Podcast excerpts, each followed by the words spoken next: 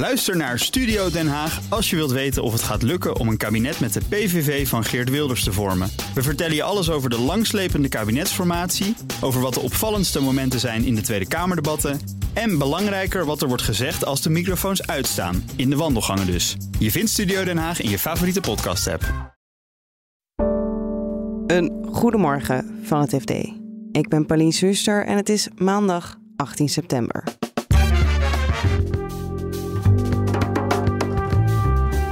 Consultancybedrijven hebben te weinig werk en te veel mensen. Dat wil je niet. Maar ja, kun je ze dan ontslaan? Nee, want dan sluit natuurlijk ook een modderfiguur. Werkgeversvereniging AWVN wil dat bedrijven meer ruimte krijgen om groene arbeidsvoorwaarden aan te bieden. Dat zijn als andere arbeidsvoorwaarden, maar groen. En de Brusselse aanval op de Chinese elektrische auto pakt misschien niet op alle fronten goed uit. Dat zij pas op de plaats maakt is ergens wel logisch, maar ja, het frustreert wel uh, de klimaatdoelen. Dit is de dagkoers van het FD. De grote strategiehuizen als McKinsey, Bain en Boston Consultancy Group hebben een record aantal mensen in dienst. En die hebben steeds minder te doen, ontdekten onze redacteuren Charlie Ubbens en Edwin van der Schoot. We beginnen bij Edwin, die vertelt over de gloriedagen. Strategieconsultants die zijn in 2021 en 2022 vielen ze eigenlijk met de neus in de boter. Want uh, we hadden natuurlijk heel even de eerste coronaschrik. En toen uh, zeiden heel veel bedrijven, ja, wat moeten we nu doen met de logistieke ketens? Kunnen jullie ons helpen met de boel zo snel mogelijk digitaliseren? Dus die hebben twee recordjaren achter de rug. En toen in het vierde kwartaal van 2022 kwam ineens een klad erin. Om, de rente is gaan stijgen omdat we inflatie zijn gaan bestrijden private equity sector en de fusie- en overnamemarkt, die, die hebben daar eigenlijk onmiddellijk op gereageerd door uh, nagenoeg stil te vallen. En daar, daar zit veel klassiek advies en strategie, strategiewerk wat die consultants doen. Dus gingen ze eigenlijk van een soort van gouden tijden naar uh, ineens, ineens een stuk minder groei in het werk. En dat dan net op een moment dat je superveel extra mensen hebt aangenomen.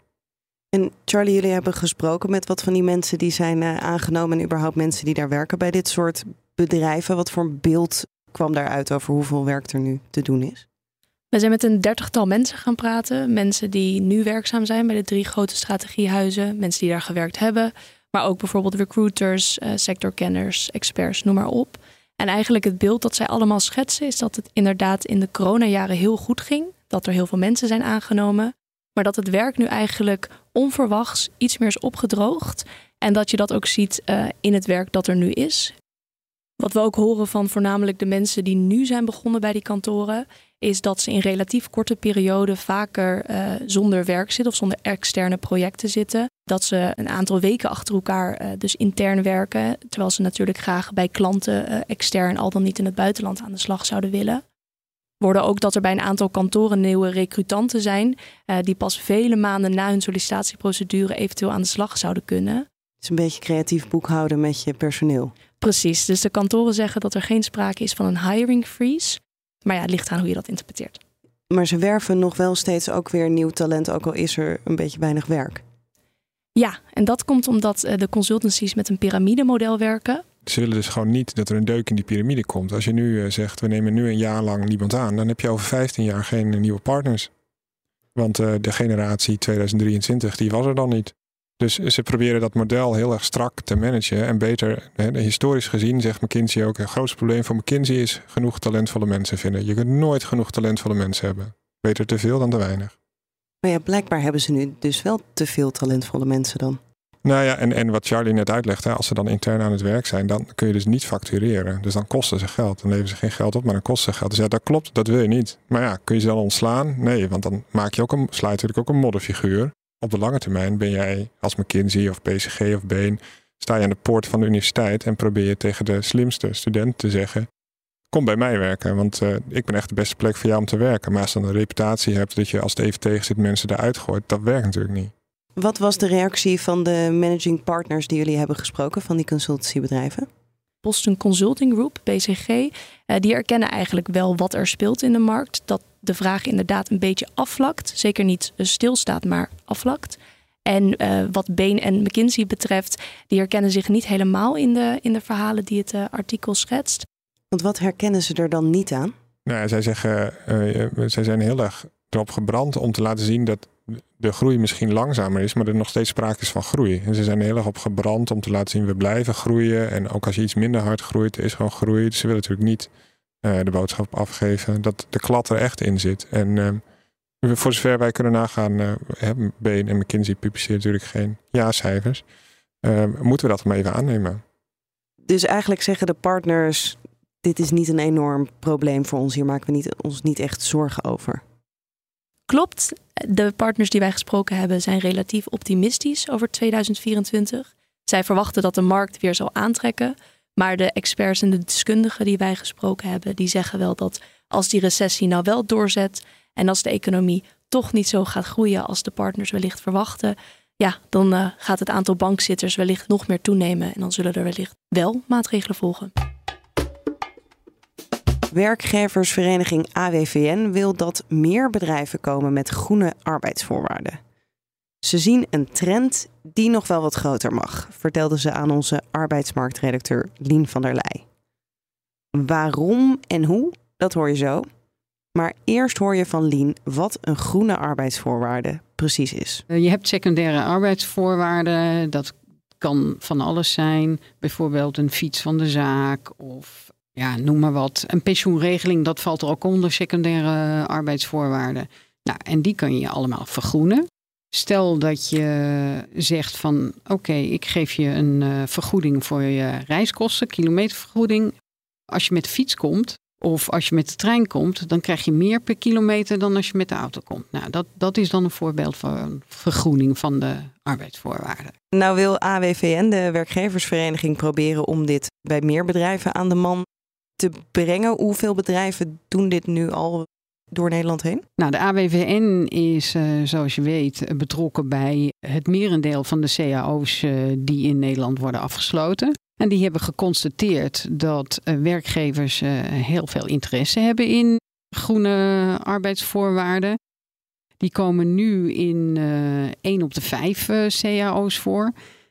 Vind ik nog niet echt stormlopen. Ook omdat je mobiliteitsregelingen zitten daarin. En, en ja, dat, dat is uh, uh, al aantal jaren schering en inslag. Maar er is dus meer interesse dan één op de vijf uh, bedrijven. Dat klopt. Ze hebben een uh, enquête een paar maanden geleden, volgens mij was dat. En daar uh, hebben 85% van de respondenten aangegeven dat ze iets willen doen of ergens mee bezig zijn op het gebied van uh, groene arbeidsvoorwaarden. De bedrijven die zien dat als een mogelijkheid om hun uh, werknemers uh, aan te trekken en te binden. In veel meer werknemers willen ook ja, een goede purpose voor hun bedrijf. En wat ik heb gehoord is, dat is niet de cliché van alleen jongere werknemers willen dat, maar een bedrijfsbreed, dus alle leeftijdsgroepen. En als het dan zo aantrekkelijk is uh, als bedrijf om te doen, en je kan er misschien mensen mee trekken, waarom doet dan niet iedereen het nog? Wat, wat houdt het tegen? De grootste sta in, in de weg uh, blijkt de fiscus te zijn. Als je dat uh, heel aantrekkelijk wil maken, dan, dan wil je natuurlijk dat je werknemer daar geen extra belasting over moet betalen. En om dat te bewerkstelligen, moet het uit de zogeheten vrije ruimte in de werkkostenregeling komen. Maar dat is ook het potje waar het bedrijfsfeestje uit moet komen, het kerstpakket en uh, noem maar op. En dus zoveel ruimte is er niet. En bovendien is de fiscale regelgeving nogal complex, uh, stellen de werkgevers. En wat willen ze dan? Nou, ze zouden graag zien dat het allemaal wat simpeler werd gemaakt en uh, dat die vrije ruimte iets wordt opgerekt. Maar dan komt er ook iets minder belasting binnen dus.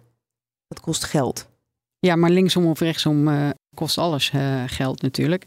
Kijk, in die uh, werkkostenregeling, dat heeft de AWVN mij voorgerekend. Stel je hebt zo'n klimaatbudget zoals bepaalde werkgevers aan hun werknemers geven. Achmea is daarvan een voorbeeld. Die geeft eenmalig som geld die werknemers mogen besteden aan verduurzaming van hun huis. Bijvoorbeeld zonnepanelen aanleggen of een uh, warmtepomp aanschaffen. Nou, dat is 2000 à 3000 uh, euro uh, zijn die budgetten meestal. Dan blijft er weinig ruimte over in die werkkostenregeling voor andere dingen.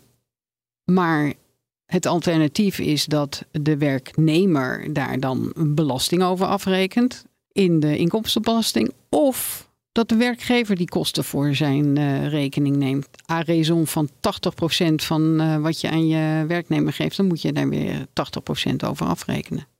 Ja, dus iemand moet het betalen en AWVN zegt: doe het dan maar iets meer in die werkkostenregeling. Volgens hen is daar wel ruimte om daar een mouw aan uh, te knopen, ja.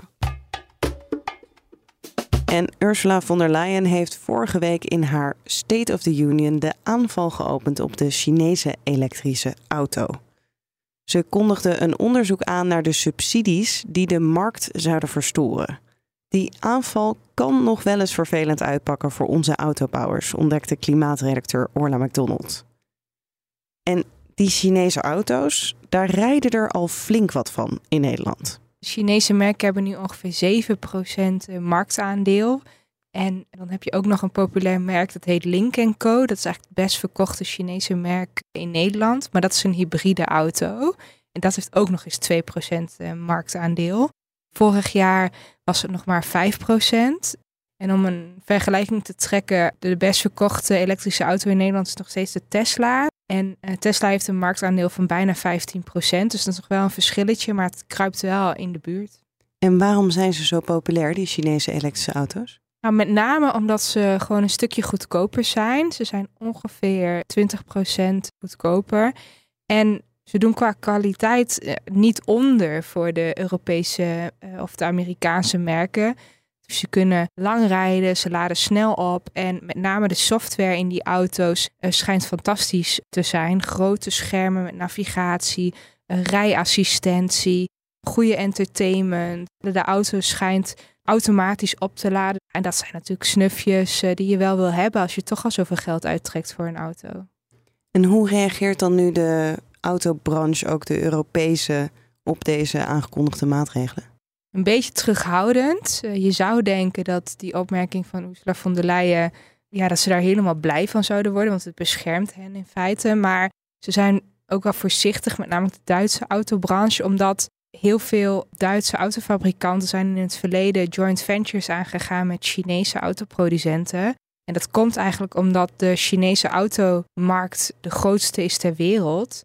Heel veel mensen willen daar een auto kopen. Mensen worden daar ook steeds rijker. En om daar te mogen verkopen, moet je een joint venture aangaan met de Chinese partij. Anders mag je die markt niet op. En daardoor word je ook best wel afhankelijk van de Chinezen. En als je ze dan tegen je in het harnas jaagt, dan kom je straks zelf die markt niet meer op. Europa wil ook heel graag groener worden. We hebben ambitieuze klimaatdoelen. En die kunnen ook weer gefrustreerd raken door nou ja, dit onderzoek en de mogelijke maatregelen die zouden volgen. Ja, stel dat er een hoge importtarief komt voor Chinese merken, dan worden die auto's ook wat duurder. En het hele ding is nu juist dat de Chinese merken ja, eigenlijk veel betaalbare modellen op de markt brengen. Voor de meeste lease-rijders hebben nu wel een hybride of een elektrische wagen. Maar je wilt natuurlijk graag dat die markt verder gaat rollen. En als je bijvoorbeeld kijkt naar de Chinese zonnepanelen, waar in principe hetzelfde is gebeurd. Die industrie is vanuit Europa helemaal naar eh, China uh, vertrokken. Maar we hebben daar wel heel goedkope Chinese zonnepanelen voor teruggekregen. En dat is mede de reden dat er nu telkens zo'n record opbrengst aan zonne-energie in Nederland uh, is. Dus eigenlijk schieten we onszelf een beetje in de voet. Uh. Het is op zich um, is er natuurlijk wel wat te zeggen hè, voor wat uh, Ursula von der Leyen doet. Want de Europese auto-industrie, daar, daar werken gewoon ontzettend veel mensen. Het is toch ook nog maar een beetje de vraag wat de Chinezen nou met die data doen in hun auto's. En de manier waarop ze die auto's uh, maken, daar, de Amerikanen zeggen dat daar ook risico's op dwangarbeid uh, bij komt kijken. Dat zij pas op de plaats maakt is ergens wel logisch, maar ja, het frustreert wel uh, de klimaatdoelen.